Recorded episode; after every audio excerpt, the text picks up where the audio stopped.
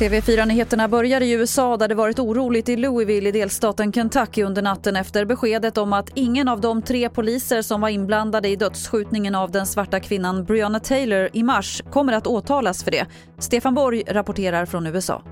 Det här jurybeslutet innebär ju inte att någon ställs till ansvar för att Breonna Taylor sköts till döds. Hon, hon låg ju och sov, hon låg i sin säng och hade inte gjort någonting. Det var en aktion, en, en, ett narkotikatillslag som egentligen skulle ha skett i, i lägenheten intill. Eh, det är ju det som upprör och det här är bara ytterligare ett fall av många svarta som, som har drabbats av den här typen av våld ifrån polisen.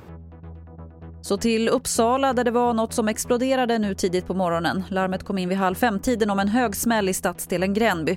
Vad det är som har smält vet polisen inte i nuläget. Det finns inga uppgifter om skadade.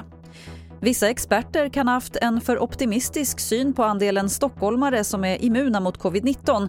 Det säger epidemiologen Jonas Björk till Svenska Dagbladet. Han menar att det är för tidigt att säga om Sverige är på väg in i en andra våg och han poängterar att det finns anledning till oro nu när antalet nya coronafall i Stockholm har dubblats på två veckor.